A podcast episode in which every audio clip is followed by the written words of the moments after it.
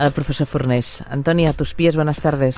Molt bona tarda. Com estàs? Molt encantat de ser aquí amb vosaltres, com sempre. Home, jo estic encantada i agraïda, perquè, clar, parlar de Platón i Descartes i, i els grans filòsofs de la humanitat a l'hora de dinar o gairebé de fer la migdiada és gairebé un miracle. Uh, la veritat és que sí, això ens ho permet la, la ràdio pública. Efectivament, per, per efectivament, d'alguna sí, sí. manera, i és una cosa, jo sempre dic, super necessària, perquè al final la filosofia és com el viatge cap a l'horitzó, que mai s'acaba, però que ens transforma, no? I és una, una, la filosofia és alguna cosa que no podem deixar perquè és de les qüestions importants i radicals de la vida està bé dedicar-hi enmig de, de la barabunta del dia a dia, doncs això, parlar una miqueta dels grans pensadors i de les qüestions de veritat. Fixa't, avui que s'estrena Barbie, yo pienso que en Fornés tenía poder. Me va a pedir que hablemos de la filosofía de Barbie. ¡No!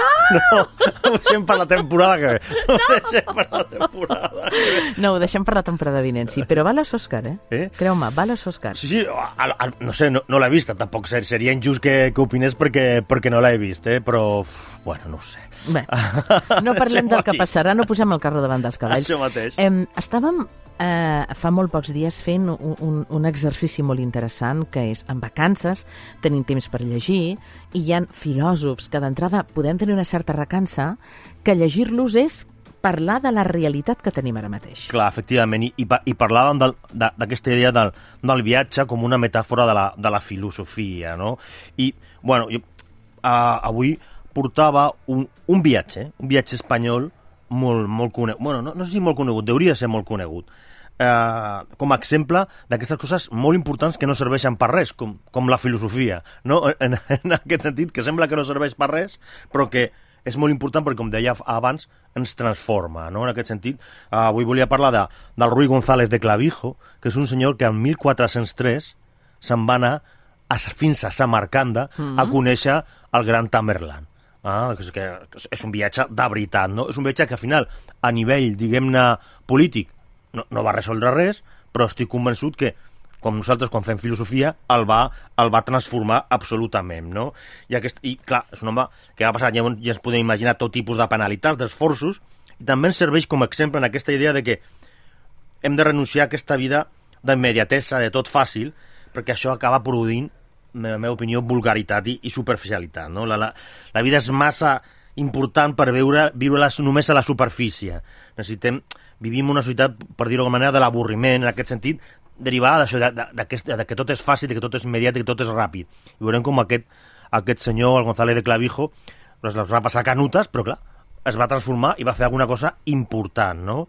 I he portat a més perquè el que va fer en realitat és el viatge de la ruta de la seda, que és el, el viatge per antonomàcia, no? el viatge mític, que és, és un viatge que és des d'Europa fins a la Xina, travessant tota Àsia, no? un viatge que es feia en aquelles èpoques, al segle XIII, XIV, XV, en, en busca d'això, de la seda. Imaginin, en aquella època Miguel Strogoff anava buscant la seda al costat del rei mongol i ja saben vostès que en aquest programa mai descansem i sempre estem pendents d'allò que té a veure amb l'actualitat. Recordaran que a l'editorial a les 3 i 5 els hi he comentat alguna cosa que, que sabíem el, un 80%, no? i que havia publicat el diari La Vanguardia mm, pocs minuts abans de començar el nostre espai, i és que eh, la Junta Electoral havia demanat a Correus, i Correus s'havia quedat una mica paivagat, una mica parat, eh, ampliar eh, el plaç per votar per correu fins a les dues de la tarda de demà. Ja saben que avui és el darrer dia per votar, i m'he deixat, eh, he fet un parèntesi al professor Fornés, perquè han de saber que si vostès volen votar ho han de fer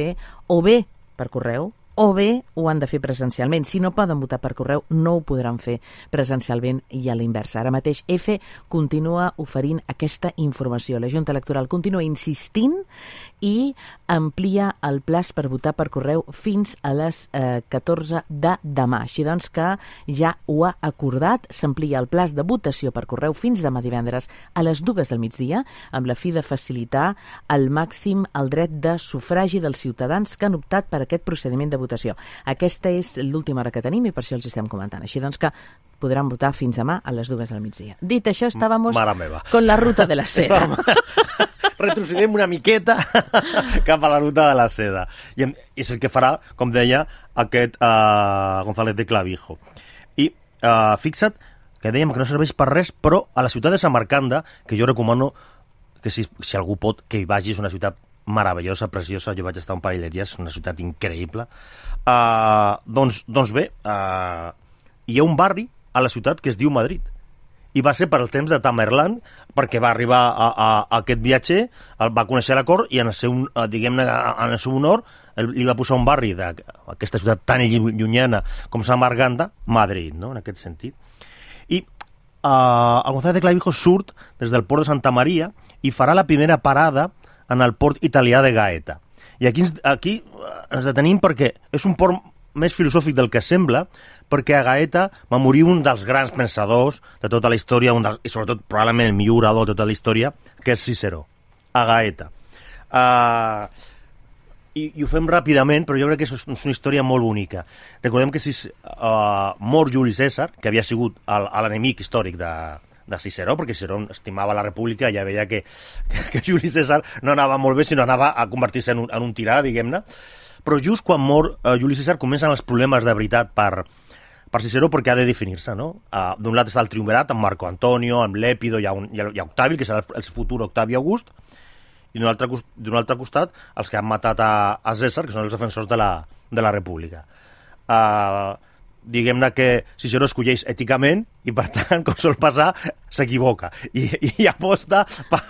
M'ha agradat molt aquest com sols passar, eh? Sí, sí, clar. Si no, que, que, la història, desgraciadament, ens demostra que a vegades l'ètica, que té també una part important d'estètica, no és el que sempre surt premiat. Eh? Llavors, ell, ell apoya, uh, diguem-ne que força els, els perdedors. Uh, comencen a perseguir-ho i ell, ell fugeix cap a, cap a Gaeta, on té unes terres. Marc Antonio posa preu al seu cap, i posa un preu molt alt. I clar, tot tipus de delinqüents comencen a, a perseguir-ho.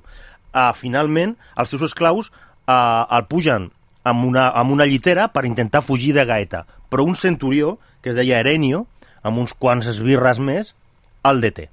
D'acord? Perquè vol, vol cobrar, no? I aquí comença, diguem-ne, la part, diguem-ne, bonica, podríem dir, de la, de la mort de Ciceró, perquè els seus esclaus intenten defens defensar-lo i ell es nega i ofereix el coll a, aquest, a, a aquest centurió, a Erenio, i diu aquella frase famosa de «Siempre supe que soy mortal». I li ofereix el cap i aquest Erenio, sense cap tipus de problema, li talla. Va necessitar tres cops, però al tercer cop ja li va tallar el cap i li va tallar també, perquè així ho havia demanat Marco Antonio, la mà dreta, la mà amb la que escrivia, en contra dels que volien acabar amb la república. Però fixa't que tot això que ens expliques, eh, Antoni, és fascinant perquè té a veure amb la ràbia, no? Clar. La, a vegades quan diuen el motor de la vida és l'amor, jo penso que s'equivoquen. No, no, no. El motor no. de la vida és la ràbia. Jo, jo, jo la ràbia d'anar cap endavant i la ràbia que hi ha persones que d'una manera impenitent et tenen tota la vida i no deixen de tenir-la. Això des d'un punt de vista filosòfic s'ha parlat molt, per exemple, a Nietzsche, i s'ha definit la ràbia com el desig, no? en aquest sentit de, de l'egoisme, de les ganes d'impulsar-se als demés uh, per, per sobre de tots els nostres interessos, no? aquest desig que, que ens fa convertir-nos en irracionals. Però fixa't que tu deies aquesta ràbia, Marco Antoni anirà més lluny, perquè pagarà 10 vegades el que havia ofert aquest Erenio i posarà el cap en la taula del seu menjador. per, per veure-la mentre es menja, per veure el, el seu triomf sobre, sobre el seu enemic.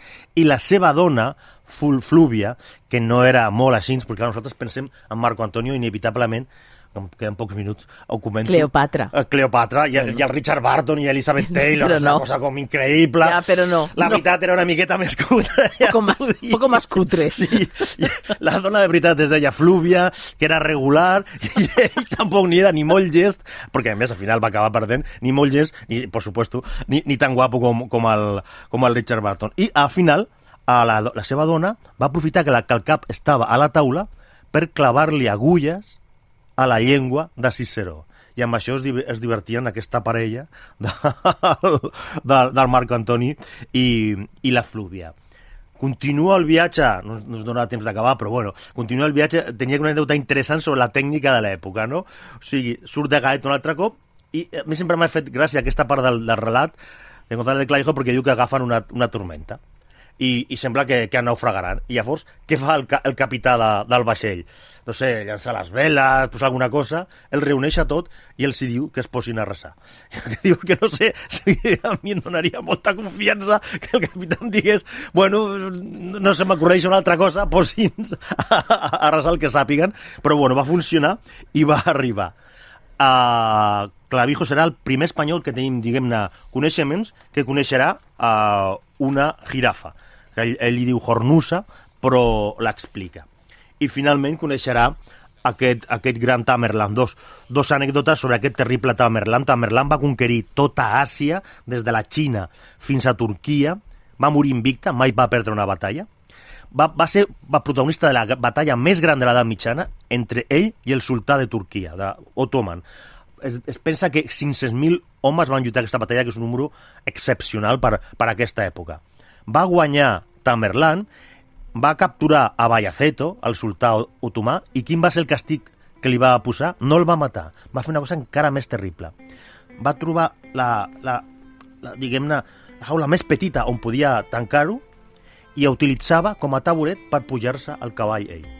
És a dir, quan volia posar-se al cavall ell, demanava que vingués el pobre Bayaceto, que estava allà, diguem-ne, encongit, i es pujava al cavall, i, i fins que va morir a, al, al, al gran sultà Vaya fet. Verdaderament tots els episodis i capítols que ens ha explicat el professor Fornés al llarg d'aquestes temporades eh, són, com, com diria Stephen Zweig, grans moments estel·lars de la humanitat, no sempre educats ni elegants no, això ni és que té la història, efectivament. Antonio, ens queden 10 segons. El que li deia Martino Ovejero, a tu especialment, gràcies per tota aquesta temporada fantàstica on hem estat més intel·ligents gràcies a tu i sobretot amb més cultura gràcies a tu. Al contrari, gràcies a vosaltres. Bon estiu, gràcies.